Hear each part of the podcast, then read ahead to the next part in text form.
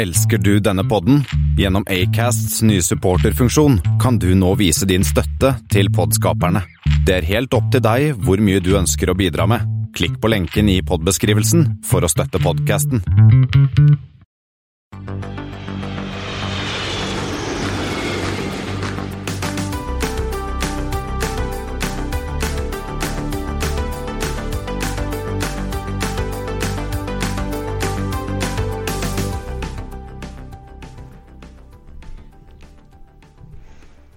Hei og velkommen til Flypoddens flight 121. Det har blitt 25. august. Det er mindre enn fire måneder til jul. Yay! Hei, hipp hurra. Solen skinner, og Boeing 737 Max er fremdeles på bakken. Og som vanlig hører du meg, Espen S, og Kristian Kamhaug. eh, Denne gangen skal vi innom en liten brasilianer. SAS har sluppet ja, skrekklesning, eller Q2-tallene. Skandinaviske flyruter kommer og går, og konkurshjørnet er åpent. Men før det har du en viktig nyhet, eh, Christian. Ja, eller vi, altså. Vi, Eh, ja. ja. Vi har jo det. For at helt siden Thomas eh, sluttet og gikk over til flyveselskapet, så har vi hatt et lite problem, Espen. Hva da? Vi har jo altfor lite mangfold i podden. Vi, vi, vi, vi scorer dårlig på mangfold. Eh, For vi, har jo da sitt, vi sitter jo da her to, to økonomer fra Østlandet og bor til og med i samme kommune. Og så snakker vi om fly sammen, men det holder jo ikke, Espen. Det, det gjør jo ikke det. Så derfor har vi nå gleden av å introdusere vår gjesteprogramleder. Yngve Angvik, som verken er økonom eller fra Østlandet. Velkommen til oss, Yngve. Takk for det, Kristian. Og Espen. Vær så god. Kan ikke du eh, ta en sånn kjapp introduksjon til hvem du er, og ditt forhold til flyvemaskiner? Jo, nei, først takk for velkomsten, Kristian. Jeg vet ikke helt hvor jeg skal starte.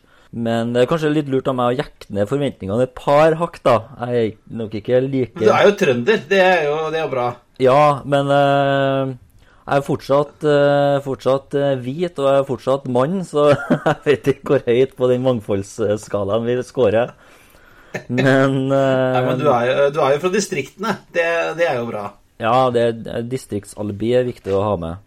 Det er det. Jo, nei, eh, jeg er nok ikke like kunnskapsrik eh, som eh, dere er, verken på flyhistorie, flyteknikk eller finanser i luftfarten, for den saks skyld. Jeg er vel avgeek så langt den grensa går på at det er mer spennende å, å fly flyet, ikke fly flya, men sitte på et fly, enn destinasjonen i seg sjøl. Der er liksom den grensa Ja, i mitt Du hode går. scorer høyt der. Ja, der går det, går det greit. Eh, og i tillegg til at eh, hvilken flight man tar, også bestemmer litt destinasjonen. Ikke sant? Ja, been there, done that. Ja. ja. Eh, men jeg har aldri heller flydd spesielt mye, i hvert fall ikke sammenligna med dere, og spesielt deg, Kristian. Eh, gullkortet på SAS har jeg kun hatt like lenge som ja, en flight mellom Namsos og Rørvik, omtrent. Eh, men ja. Nei, jeg vet ikke eh, når interessen tok til. Jeg har alltid vært med f.eks. bestefar på Værnes for å se på fly når vi skulle hente slektninger. Da hadde vi god tid og sånn. Og så var jeg kanskje fem, seks, sju år gammel, og så flydde vi en del til USA og sånn i tenårene. Og så har det bare vært det med å, å være i et fly, være på en flyplass eh, og sånn. Eh, så det er meg. Og så er du, eh, altså, du, du er jo ikke økonom. Nei. Nei, jeg Men, men, du, men, du, men, vi- du og jeg deler jo sånn type fagfelt nå, i hvert fall, om dagen. Ja, jeg er kommunikasjonsrådgiver, og vi har jo i hvert fall jobba i samme bransje, sånn sett. Eh, første gang vi møttes, Kristian, det var jo faktisk i Austin. Under South by Austin, Southwest. Texas. Ja, South by Southwest i 2015-14 eller noe sånt. Ja, stemmer det. Um, Det var da jeg, da jeg trodde at du het Yngve, forresten. ja. det går fortsatt i det, hører jeg. Ja, for vi ble, jeg ble introdusert av en felles venninne og tidligere, og nå senere også eh, kollega, som sier til meg 'Å ja, forresten, dette er Yngve, forresten', sier hun og peker på deg. Så da er det ditt navn, egentlig. for meg. Så, så på min Snapchat så heter du Yngve, forresten. det er bra. Men øh, jo, nei, i motsetning til deg, da, på veien hjem så fikk jeg jo jeg oppleve en eh, finfin nødlanding. eh, ja. Med en Embraer for det var- jeg var litt misunnelig. E175. Han mista den ene motoren like etter takeoff. Og så fikk jeg melding da fra, fra vår felles venn eh, og din tidligere kollega, om at eh, du var litt sånn småbitter for at jeg fikk oppleve den nødlandinga, og ikke du. ja. Men jeg kom meg jo hjem ganske mye kjappere enn deg da til slutt. Ja, det er sant. Det tok vel halvannet døgn eh, før jeg kom meg hjem. Så jeg satt, eh, satt bakerst eh, sammen med noen svensker som De slo på telefonen sin ganske fort og begynte å sende tekstmelding hjem da det smalt i den motoren. Men det gikk jo veldig bra til slutt, da. Men det var en, det var en hektisk opplevelse. Og, og jeg tenker at jeg har brukt opp kvota på sånne ting nå. Ja, Og nå er det jo ingen av oss som flyr noe sted på en god stund, altså. Ja, ja. Nei. Eh, Og så jobber du jo sammen med en eh, friend of the pod og tidligere gjest. Ja, det stemmer. Eh, Jeg jobber jo i Kunnskapsdepartementet, og der er jo en av sjefene godeste Henrik Asheim, som er forsknings- og høyere utdanningsminister. Nå har ikke jeg jobbet der så lenge, da, så jeg har ikke rukket å snakke så mye med han om, om luftfart og om fly. Men eh, nå har jeg i hvert fall en conversation starter med statsråden. Eh, så da blir jobbhverdagen litt enklere, tenker jeg. Ja, Da kan dere sitte og kose dere om, med flysaker. Og eh, vi har jo, vi har jo Yngve, en, eh, en tradisjon fått eh, etter hvert at vi eh, ser på flight-numre som har samme flight-nummer som vår episode. Eh, og Espen har funnet tre flight eh, 121. Eh, og da pleier som å prøve, prøve de på meg, om jeg kan, kan eh, flyplass og flyselskap. Så da kan han jo kjøre på deg, da, Yngve. Så du klarer disse. Ja, etter så, vi- du, hva har vi, så mye du sleit eh, forrige episode, Christian, så er det ikke rart altså, du du vil legge dem bort. Du har funnet noe ekstremt merkelig. Ja da, Vi kjører i gang. SY 121 fra DFW til LAS. Ehm, nei, SI Nei, der er jeg ikke god, altså.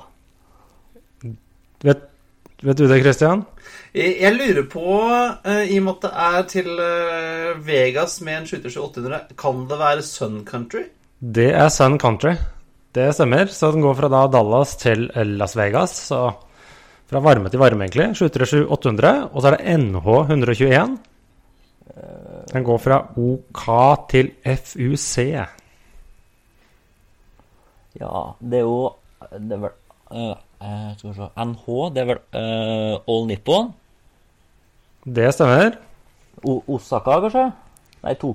Nei. Eh, nei, den går fra Naha, på Okinawa, ja. Så der er koden til Fukuoka. Eller til fuck, som det skrives. FUK. ja. Eh, slutter i 2800, og så FR 121. LGW til DUB. Uh, det er eh, Air France? Nei, det FR. det ikke. Uh, nei. FR, det er jo, det er jo Ryanair. Det er Ryanair, ja. Og så hva er likheten mellom disse?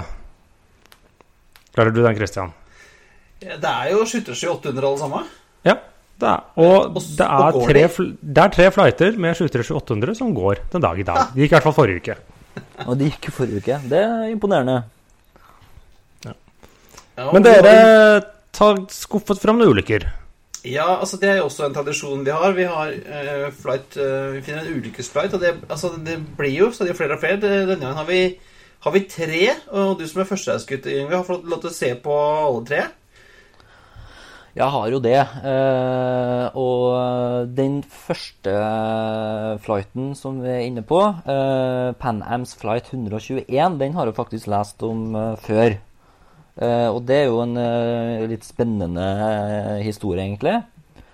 Eh, og det var jo den ikoniske Lockheed Constellation som fløy med Pan Am. Ah, vakker. Ja, vakker. Eh, og da den her fløy den 19. juni 1947, så var jo den relativt ny. Eh, var vel, modellen var vel bare, bare et eh, Eller flyturen var bare et par år gammel, tror jeg. Um, og den fløy med 26 passasjerer og en besetning med 10 om bord, som var på vei da fra Karachi til Istanbul. Uh, og Det er den første delen av turen til New York. og I gamle dager så tok det her litt tid, så flytida mellom Karachi og Istanbul var jo beregna til ti timer. Og i dag er det den halvparten. Eh, det, det er ti eh, ristfulle eh, timer, for å si det mildt. Men uansett, da, halvveis ut i, i turen så tok andrestyrmann Gene Roddenberry over spakene for å avlaste denne kapteinen Joseph Hart. Og like etterpå oppstod det en feil med en vippearm i motor 1. Uh, noe som tvang Roddenberry da, til å slå av den motoren. Og kapteinen hasta tilbake i cockpit for å vurdere det som hadde skjedd. Og vel vitende om at flyet med sine fire motorer kunne fly videre med tre, så bestemte han at turen skulle fortsette mot Istanbul. Det var ingen flyplasser i nærheten som hadde kyndig personell eller, eh, eller utstyr på bakken uansett, mente han. Eh, For da er det plutselig over eh, Iran og sånn, da? Ja, Irak, ja. De var vel De fløy vel forbi eh, Bagdad. Gjorde det. Um, men så er det jo sånn at uh, sjøl om uh, de tre motorene skal, egentlig skal holde, så klarte de ikke å håndtere de påkjenningene. Og de ble tvunget til å gå ned til en lavere høyde for å senke turtallet og for å unngå overoppheting. Og likevel så tok motor to fyr en halvannen time etterpå, og slukkesystemene funka heller ikke på de flammene. Så det hele ender da med at Det er jo morsomt. ja, det er trivelig eh, utsyn for de passasjerene som sitter eh, inni det vraket der. Eh, men det hele ender da med at magnesiumlegeringa, som er med på å holde den motoren på plass, den begynner å smelte. Og kapteinen han sender denne Roddenberry da, tilbake til kabinen for å klargjøre besetning og passasjerer for krasjlanding. Og samtidig sprer brannen seg videre utover vingen og til slutt så detter motoren av og river av drivstoffledningene. Og drivstoffet bare mater flammene. Og Roddenberry kommer en annen livredd passasjer til unnsetning, og like etterpå så går flyet ned midt i den syriske ørkenen. Og der er det ikke særlig mye. Ja, den var ikke noe særlig mer behagelig å være i syrisk ørken 1947 enn i dag? Nei, antageligvis ikke. Uh, og det blir jo enda litt mer, uh, litt, uh, mer spennende, da. for når de skal gå inn da, for, for, å prøve å krasjlande, så graver den høyre vingen seg ned i sanda, som gjør at den hele ene sida revnes opp. Og pilotene de stryker med momentant, mens en god del passasjerer hopper ut av vraket på egen hånd. Og Roddenbeck, da, han der andre styrmannen, han renner en håndfull passasjerer sjøl. Men totalt så er det 15 stykker som, eh, som går i vei. Så her burde det litt interessant. da. Etter de krasja, så setter de overlevende opp sånn oppblåste flåter da, for å få skygge. Og, men det hjelper ganske lite, for like etter eh, blir både vraket, de som har dødd, og de overlevende plyndra for eiendeler av lokale bosettere i ørkenen. Og til slutt så sitter de igjen med bare klær de har på seg fra før. Og i mellomtida så hadde han derre Rodenbeck sendt fire stykker ut for å følge noe sånn eh, telegram... Eh, eller heter det telegramledninger? Eller telegraf? Telegraflinjer, ja. Som var i nærheten. Og etter en stund så finner to av dem veien til Mayadin og rapporterer tilbake til Rodenbeck. Og han blir med inn til byen og får gitt beskjed på telefon om ulykken. Og ofrene blir sendt litt hit og dit i Midtøsten, mens Rodenbeck han blir avført i flere uker av syriske myndigheter før han får vendt tilbake til USA til slutt. Og Det som er litt interessant, da, er at i den beretninga her om den ulykken, så er det veldig my mye fokus på denne andrestyrmannen, Gene Roddenberry. Det er kanskje noen som har hørt navnet hans før, eller? Nei, Jeg må innrømme at jeg ikke Jeg hadde ikke hørt om han før, men nå er ikke jeg en uh, tricky heller, da. Nei, nettopp. Men uansett, da, det her er jo heller ikke første gangen han har vært forulykka. For i forrige flight så snakka dere jo om run, uh, runway overruns, eller overruns på runways. Ja. Og uh, Roddenberry han fløy under andre verdenskrig i en sånn B-17-bomber som bomma på flystripa, havarerte og tok livet av to stykker. Så han fortsatte eh, karrieren som havariinspektør før han gikk inn i Panham. Og der ble han ikke eh, så veldig lenge da, etter den ulykken i Syria.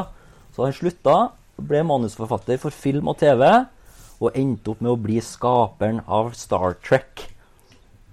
Så det er en ganske fiffig historie, hele greia.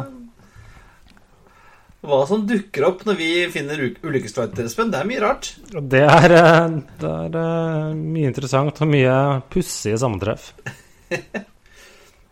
Og jeg har på, hvis du kan se på, video, på videoen, jeg har jo på meg Pan Am-T-skjorta mi i dag. Uh, Frekt, Christian. Treffende. Ja, I anledning.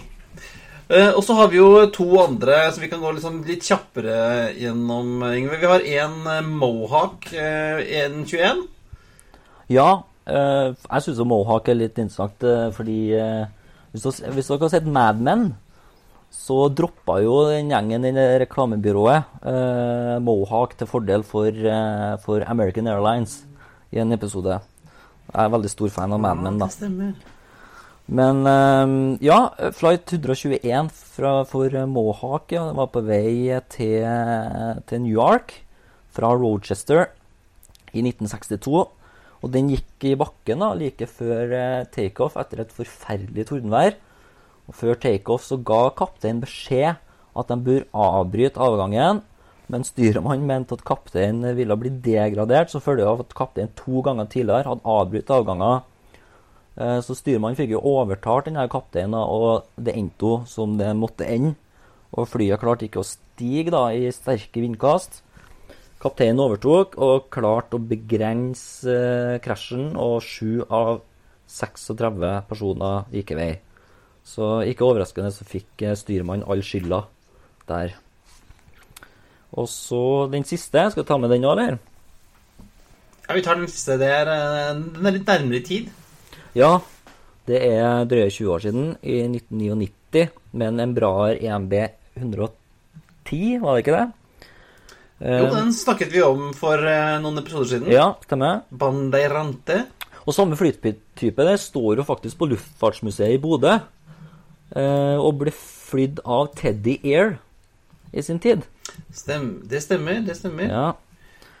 En liten Eh, uh, og dette her var altså på Air Fiji, som er på Fiji. Den var, en, var vel Suva til Nadi. Hva sa du? Ja, denne var jo denne var jo på Fiji fra Suva til Nadi. Eh, to crew og 17 pax. Ja. Det, Det gikk jo ikke så bra. Nei, det gjorde ikke det. Så øh, den skulle, skulle da til, til Nei, jeg starter på nytt. For jeg skulle fra Suva da, til hovedflyplassen. Øh, og vitner, da, som Eller de som bevitna denne flystyrten, de skal ha sett haleseksjonen falle av før det small. Um, men som vi vet da, fra andre havari, så er det ikke så mye igjen av et flyskrog som treffer en fjellside i full kraft. Nei. Så Nei. ja. redningsarbeidet må ha blitt eh, møtt av et eh, ganske grufullt syn. Og uh, man må gå seks timer til fots for, fra nærmeste landsby for å komme til vraket. Men eh, ja, etter Og der ble det ble vel også Bare fortsett du, Kristian. Ja, eh, og dette her er fikk jo også eh, crewet skylda. Det var jo også snakk om at eh, piloten skal ha vært berusa når han fløy. Ja, han hadde jo drukket så- fire timer før avgang. Og, og i tillegg da, så hadde han, hadde han fått for lite hvile etter å ha tatt altfor store mengder sånn allergimedisin. Og det kan jo bli ganske trøtt eh, slappe slapp av hvis man har tatt sånn allergimedisin uh, sjøl før. Altså, det, er- det er en dårlig kombo. og Det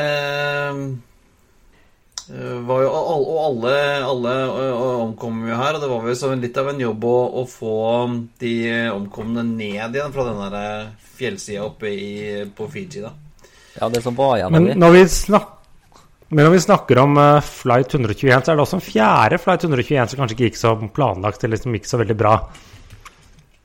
Nei, altså Pacific Airlines uh, flight 121, uh, Espen. Vet ikke om det, om det gir noen, ringer noen bjeller hos deg?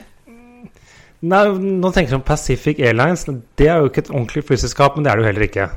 Nei, dette, er noe, dette, det har, dette har ikke jeg sett, men det er en film som heter 'Snakes on a Plane'. Ja, og det er Pacific Airlines flight 121, hvor eh, Samuel L. Jackson går rundt og banner og sier 'motherfucking snakes on a motherfucking plane', og så blir han litt sinna, og så Ja. Har, har du sett den? Nei, bare utdrag. Jeg har hørt den er dårlig. Den er dårlig. Ja, jeg kan bekrefte det. Det er en av de dårligste filmene jeg har sett. I hvert fall som involverer fly. Litt dårligere, Ja, altså, litt dårligere enn Flightpan. Ja, da er det dårlige greier. Oi, oi, oi. Ja, nei eh, Ikke ukens anbefaling eh, med Snakes on the Plane der. Eh, og før vi går videre, så snakket vi jo i forrige episode, som var Flight 120, om EMB 120 Brasilia. Eh, og da må vi selvfølgelig snakke om lillebroren, da, som heter EMB 121 Tsingu. Ikke Pingu, men Tsingu. Tsingu. Chingu. Chingu. Eh, Chingu. Eh, og denne ble lansert på slutten av 70-tallet som sånn, som et VIP-fly. Eh, og de brukte da samme vinger og motor som eh, Bandarante, men med en ny og rund flykropp med plass til 8-9 paks. Brukes mye av brasilianske og franske flyvåpen, og franskmennene har vel en 20-talls maskiner fremdeles, og de skal nå brukes fram til 2025. Det er en sånn krysning mellom Banderaiten og Brasilian og noe sånt. Ja, for at, uh, den- ser jo litt ut som en veldig sånn kort versjon av et fly som burde vært større, med bare tre kabinvinduer. Og, og tanken var jo å bygge en serie med, med EMB uh, 120, altså 1-2X-fly med forskjellige lengder, forskjellige størrelser til forskjellig bruk.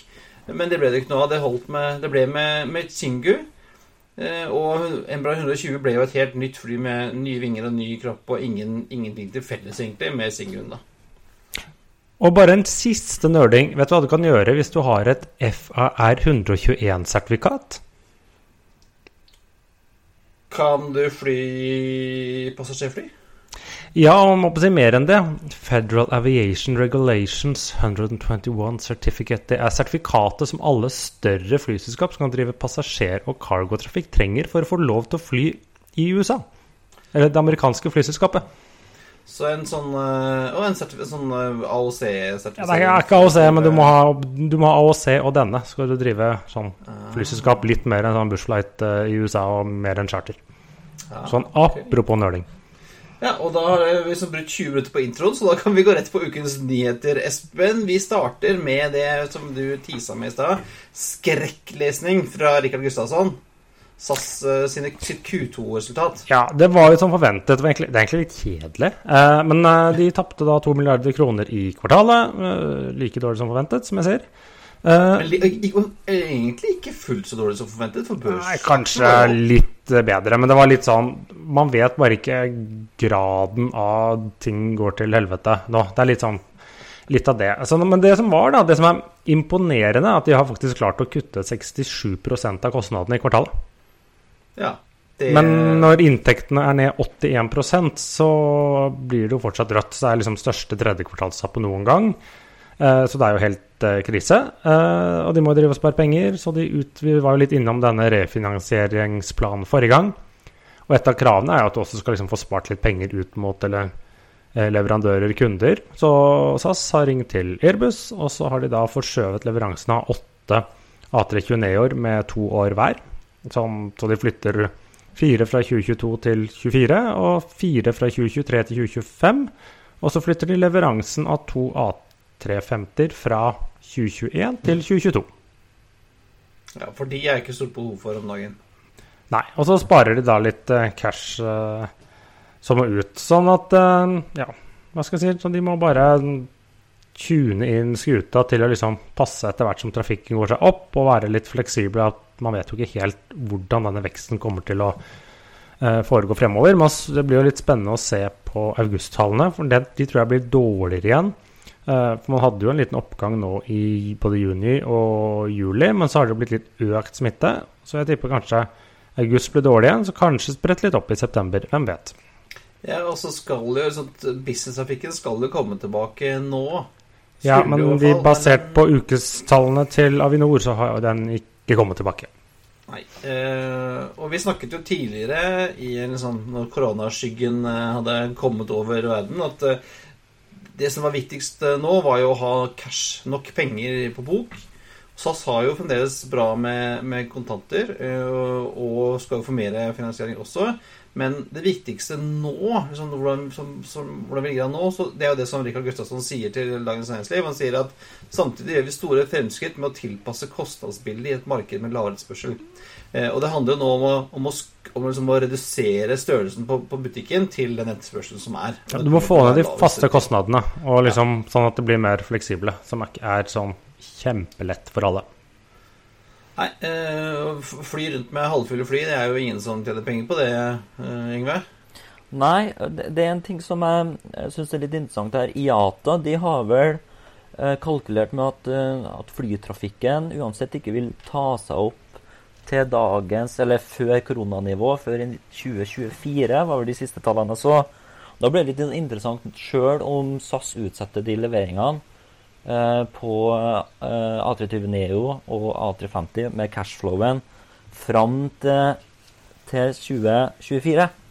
Eh, når man antar at, eh, at, trafikken uansett ikke vil ta seg opp før den tid. Så de vil jo fortsatt ha fly stående, ganske mye fly og kapasitet stående på bakken innen den tid. da. Ja, men så blir det jo spennende hvor fort de da eventuelt kan kvitte seg med eh, 737-erne, da. Ja. Ja, for jeg tror det er vel sånn at eh, Jeg vil jo tro at når man da kommer tilbake igjen, så blir det Kan det hende at det er et SAS Et, et rent Airbus-SAS? Ja, jo, det sier de også, at vi fremskynder den planen, slik jeg tolker det. Og de skrev jo også ned flere av de flyene de eier, så de skrev ned flyverdier for over en milliard kroner nå i kvartalet. Slik at jeg mistenker jo om at de har satt verdien på en del av flyene sine til vrakpanten. Ja, for liksom, hva, er, hva er verdien Hva er verdien av en tre... Liksom? Ja, nettopp.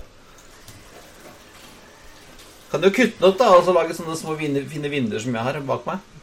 De ja, for 300 pund. Kan du ja, det hele Hvor mange klarer de å selge?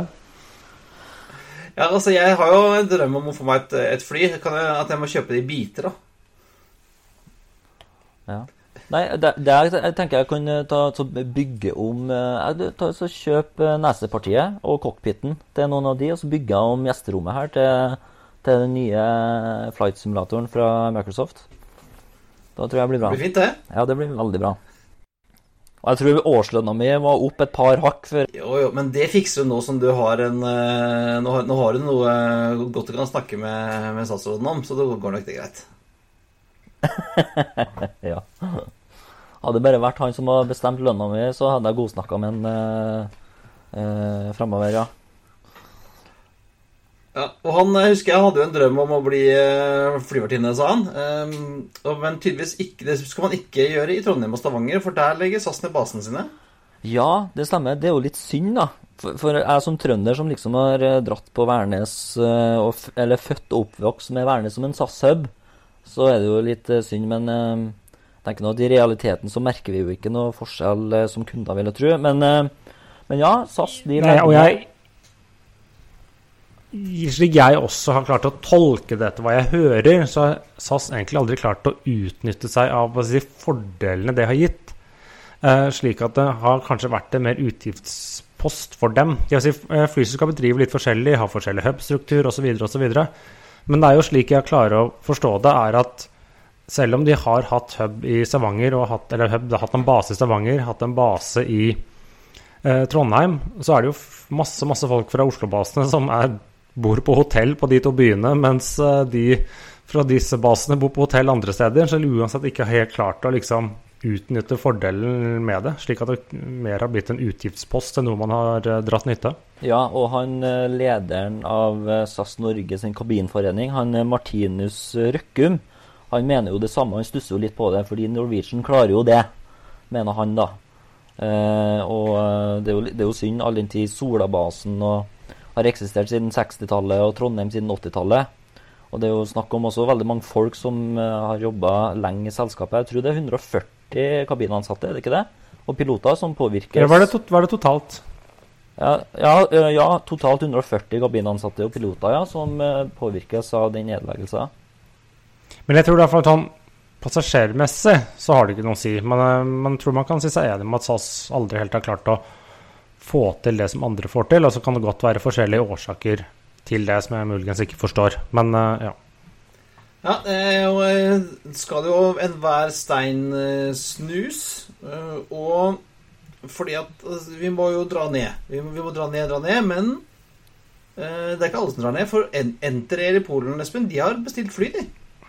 Ja, Enter er jo litt sånn og, hva har de- kjøpt? Ja, dette polske charterskapet. De har kjøpt eh, to 7378. Eh, ok, hva er det?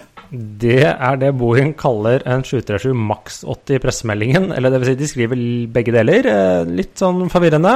Eller er det en måte å sjekke vanntemperaturen på her, eh, dere to som er sånn PR-folk? Ja, det er ikke Ja, godt å si. Yngve, er det en måte å Nei, altså hvis du, hvis du tolker den pressemeldinga, så Ja. Øh, Når de bruker liksom både Max og den derre overdekke 8 i samme pressemelding, så øh, blir jeg litt usikker, altså. Men det, det er jo spennende å liksom vite hvilke vurderinger som Enter Air egentlig har gjort, da. Ja, jeg tenker at De har vel fått det villig i hvert fall. Men jeg ser jo at eh, Ryanair har jo også begynt å Ganske tidlig kalte de 737 Max 8 for 778. Um, og jeg tenker at for vi, du og jeg og lytterne vet jo at en eh, 738 er en Max. Men tante Olga fra Tolga som skal til Syden, hun eh, har hørt om dette Max-flyet som er livsfarlig. Ja, dette- men når hun er på flyplassen, flyplassen, så ser hun et fly. Ja, men dette åtte har hun aldri hørt om, ikke sant? Så det sånn, ja, det er sikkert fint. Det er billig, det er billig, det er billig vin der inne, så det går bra. Sant? Eh, så jeg tror, jeg tror du kan være smart sånn med tanke på folk flest, at, det, at man ikke blir minnet om dette maks-spøkelset, da. Ja, det, det kan jo hende, men um, Ja. Nei, altså, det er jo, det er jo, altså, det er jo rebranding av en, eh, av en flytype, men uh, jeg syns kanskje ikke at den starten de har hatt med den rebrandinga av disse, disse bildene som ble lekka at de drev og maler over uh, Max og, og sånn, det hjalp liksom ikke. Uh, det gjør det ikke. Men du, du snakka om billig vin, Christian. Det var jo en eh, Ja, for det er jo blitt en ny debatt nå om, eh, om taxfree-ordningen. Hvis, du, hvis du, Noen folk som husker helt tilbake til Flight 6 eh, Tilbake i 2018 så hadde vi Håkon Dagestad på besøk. og eh, Han er jo kommunikasjonssjef i Travel Retail Norge. Som fortalte at taxfree-handelen på norske flyplasser eh, mer eller mindre betaler for kortbanenettet. Og i helgen så skrev sjefsøkonom Harald Magnus Andreassen i Sparebank1 eh, på NRK Ytring at ordningen er dyr, tåpelig, urettferdig, og at det er på tide å skrote hele ordningen. Og da, folkens, kommer dagens brannfakkel fra meg. Jeg er 100% enig. Nei, Og jeg tror, dere regner, f- jeg tror dere regner feil. Nei, uff. Regnestykket ditt og regnestykket til Andreassen er feil og ensidig. Jeg ser jo det at det er noen som eh, lekte med taxiordningen, at de påstår at Norge taper 3 milliarder, milliarder kroner i skatteinntekter. Ja, Det kan godt være en slags brutto. Men disse, som sagt, taxfree-ordningen går til å bl.a. finansiere eh, flyplasser. Eller finansiere Avinor-systemet. ja så da måtte disse pengene blitt, ja, kryssubsidiering. Disse pengene måtte bli skaffet fra et annet sted. Og det er jo ikke slik at selv om man forbyr taxfree, eller man forbyr det ikke, man dropper det, så blir det jo ikke det at det forsvinner. For du kan fortsatt ha med deg ting fra utlandet. Det, det er litt sånn handelsavtaler og sånne ting. Så hvis Norge sier at nei, man får ikke ha med seg en flaske vin fra Frankrike, så setter franskmennene noe toll på noe norsk metall eller et eller annet sånt, så får ikke gjort det. Eh, og slik at den Og det som er med taxfree vin du kjøper i Oslo, den er ikke billig. Du sparer jo ikke en skit på det omtrent, men det er bare praktisk. Det er spriten Eh, sånn at- du sparer på. Spriten er billig, men ikke vinen. Så jeg tror ikke Jeg tror det regnestykket går litt i null, rett og slett. Du kan si, og Dette er jo en grensehandel, en annen ting, men vi er ikke en grensehandelspod, vi er en flypod. Men selve den taxfree-ordningen så den Taxfree-en den er prisa så høyt, men det er istedenfor å betale alko alkoholavgift, så betaler du en Avinor-avgift. Slik at det er ikke snakk om å tape 3 milliarder kroner i skatteinntekter. Det kan godt være man taper noe, men eh, langt fra annerledes.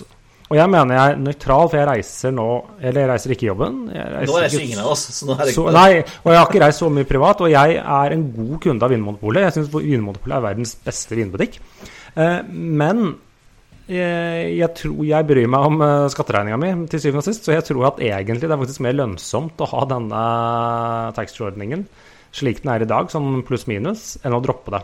For folk blir alltid Du blir ikke kvitt svenskehandel, du blir ikke kvitt eh, liksom ta med deg eh, vin og drikkevarer selv. Så jeg ser ikke noen sånn grunn til det. Så jeg tror rett og slett ikke de regnestykkene stemmer. Nei, uansett, uansett regnestykke så er det jo en tullete ordning. Og selv han der fra Høyre i dag, som ikke husker navnet på, som skulle, som skulle debattere dette med, med um, Andreassen i eh, Dagsnytt 18, selv han sa at dette hadde vi jo ikke innført i dag. Eh, Nei, og, og i, sånn i EU er det jo ikke det, Jo, det er taxfree i EU, men det er ikke taxfree innen EU. Det er det man blander. Nei, EU har taxfree. E EU. Ja, men det er fordi EU er ett tollområde. Sånn annet når eh, EU, Storbritannia går ut av EU nå, så er annet deres planer nå å innføre taxfree. For det vil øke salget på flyplassen deres ganske betraktelig. Uh, og jeg, kunne, jo, jeg er jo si, pro EU, så jeg kunne gå, vært med i EU at Norge ble med i EU-tollområdet. For da kunne jeg dratt til Danmark og kunne tatt med meg 100 liter øl og 100 liter vin. Da hadde det blitt party. ja. Men Da du skal ikke ha det med på flyet, Espen. For at, tenkte tenkte Hvis du har en, en full skyttersky, og halvparten har kjøpt full kvote, så er det et halvt tonn med unødvendig ekstrabagasje. Og 100 liter av det er høyeksplosiv brennbar væske. Det er, bra, det er fint å jeg tror jeg, sånn, jeg har ikke hørt om en flyulykke som har skyldtes taxfree. Nei, men du ser jo folk tar ta med seg posen sin når de, når de evakuerer. Jo, men de hadde tatt med seg De tar med seg bagasjen sin, så enten det er bamser eller taxfree-poser eller laptoper eller leketøy Jeg tror, ikke, jeg tror liksom ikke det har noe å si. Jeg tror dette overdrives eh, betraktelig.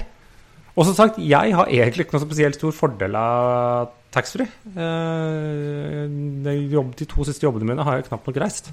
Nei, og Eh. der er vi, der er vi også, for jeg er jo egentlig Jeg syns dette er en tullete avtale, et tullete opplegg som vi må slutte med. Mens jeg har jo hatt kjempefordel av de siste Nei, du har ikke hatt fordel. De siste 20 årene. jeg. Ja, men du kjøper Du sparer ikke noe på vin på OSL. Du sparer på spriten. Og Christian, du Ja. drikker ikke så mye sprit.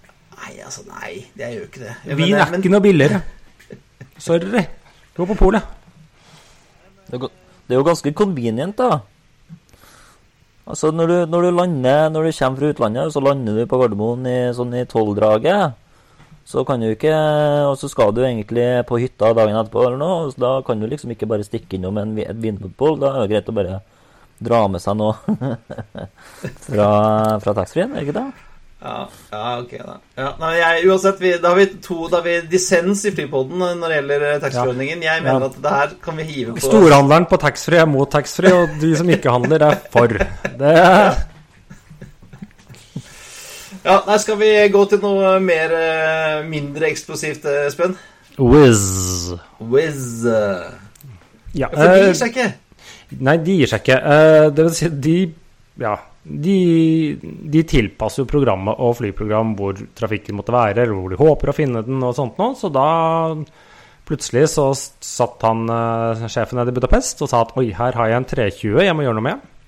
Den sender vi til basen på Vilnius, eh, hvor de bl.a. fra før flyr Torp-Vilnius. Og da starter de rutene Vilnius-Trondheim, Trondheim-Tallinn og Torp-Tallinn. Og disse Tallinn-rutene kommer til å gjøre som den nye Bergen, var det Bergen-Tallinn. Eh, også som egentlig riktignok skulle ha base i kall Riga, men da flyr de fra Vilnius til da enten Trondheim eller Sandefjord to dager i uken. Og, mm, til begge steder. Og så går flyet til Tallinn, og så tilbake til Trondheim eller Sandefjord, og så til Vilnius. Som en såkalt W-rute, som det heter på fagspråket. Og da kan trønderne reise til Litauen og, og Estland og få seg billig sprit, da. Og de kan ta med seg det taxfree hjem, da. Eller de kan kjøpe på butikken der til enda billigere. Men nok om De landene er jo faktisk gule, sånn at hvis du klarer å påstå at du har en veldig nødvendig reise der, eh, så ja Så kan du faktisk dra dit i dag. Ja, de som er ute etter billig alkohol, da blir det kanskje nødvendig nok. Ja. Ja, ja. Eh, Og mens vi er borte i Baltikum, så er det sånn at Air Baltic, som vi har snakket om lenge, mange ganger, de skyver nå på leveringen av de siste 28 A320-300-ene av den 50-ordren. Og da det siste da blir levert i 2024 eh, mot 2022 og 2024. Det er jo da alt skal tilbake til normalen, ifølge veldig mange. ja i, i praksis er det at de sprer det litt utover istedenfor å liksom få disse nå i løpet av de to neste årene, så får de det i løpet av de fire neste årene. Eh, men de skal fremdeles ha tre maskiner til i år, for de har kommet såpass langt på produksjonsbåndet. Men det er snakk litt om at de smører det litt tynnere ut fremover. Ja. Det er jo gode fly som eh, har eh, levert veldig bra for Air Baltic, så det er jo bra. Og mens det skjer positive ting i Baltikum, så er København litt, litt lei seg, Yngve. Ja, du skal ikke langt eh, vest eh, før du heller finner eh, kutt, i hvert fall ruta. Og det er jo flere langdistansekutt i Skandinavia, og det er jo koronakrisa, da, som får ytterligere følger. Air India de kutter rutene til Kastrup og Arlanda fra Delhi, vel. Og i tillegg til tre andre europeiske ruter. da. Og de har jo flydd Dreamlinere, tror jeg, til disse destinasjonene. I hvert fall til Kastrup og Arlanda. Um, og i tillegg så opphører deltaflygingene over dammen fra Kastrup. Så det blir interessant å se da, om, eh, om et år eller to hvordan langdistanserutene eh, tar seg opp fra disse to eh, lufthavnene eh, hos våre naboland. Ja, det får se, da. Nå er det jo flere long flights på Oslo, bortsett fra at der sitter ikke så særlig Pax på de, da. Nei. Med alle, alle frakt, frakteavgangene. Og mens vi Apropos frakt, Espen. Du har uh, funnet et, uh, en ny flytype som, skal, som blir lansert. Ja, Uh, jeg hadde jo ikke hørt om disse før det dukket opp i nyhetene i dag. Det er noe, Hvem hadde selskap- det? Nei, hvem hadde det? Et selskap som heter Arcus Fire. Og du tenker sånn, «Jøss, det var et teit navn for en flyprodusent, men det er jo ikke det, for de driver med brannfly. Så de lager jo sånne brannbøtter til helikopter og forskjellige ting. Eh, De hold...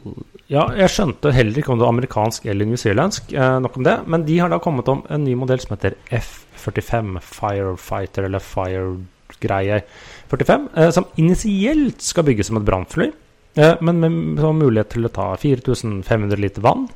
Det ser ut som en sånn størrelse Cessna Caravan. En, Som er litt feit.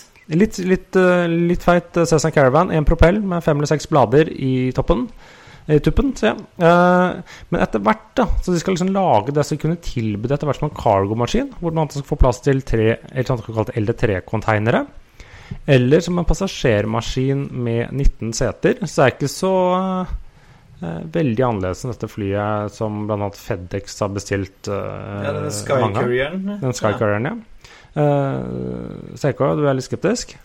Ja, for at Hvis du ser på de flyene som flyr rundt og, og slukker i branner, så er det jo gamle, avdanka fly som ikke brukes til noe annet. Så Ja. Men vi vet jo ikke prisen her. Nei, nei, det skal være billig, da. For at du kan jo kjøpe gamle Q400 eller eh, hva det skal være, og bygge de om til uh, brannbombefly istedenfor å kjøpe et nytt fly. Men jeg, jeg syns jo det er en interessant mulighet til å kunne ha den som brannbomber i brannsesongen, og så fly den som frakt og paks resten av året.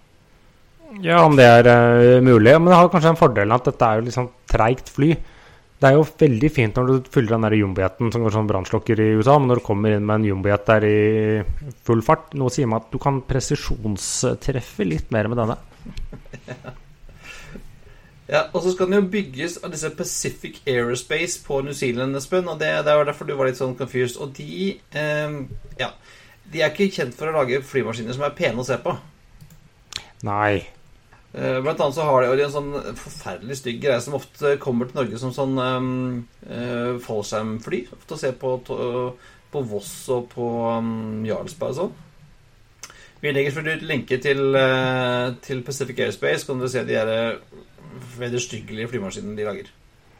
Men den paint-jobben på den, eh, det nye flyet der, det ser jo ganske ålreit ut, da. Jeg syns faktisk ikke den er så stygg. Det ser ut som du har tatt en Sester Caravan så har du blåst opp som ballong. Ja, vi får se, da. Altså, men det er jo tydeligvis at uh, mer ekstremvær og mer branner, så trengs den type fly. Vi har jo i Norge bare disse helikoptrene med disse de bøttene under. Ja da. Men du kan jo si, jeg, jeg skjønner at man skal ha en beredskap, flyberedskap, helikopterberedskap for branner. Nå, nå går jeg kanskje litt utenom hva vi flypodden skal prate om. Er skogbrann et stort problem i Norge? Jeg tror ikke vi skal gå, de, gå den, uh, i den uh, der, Espen. La oss heller gå til konkurshjørnet.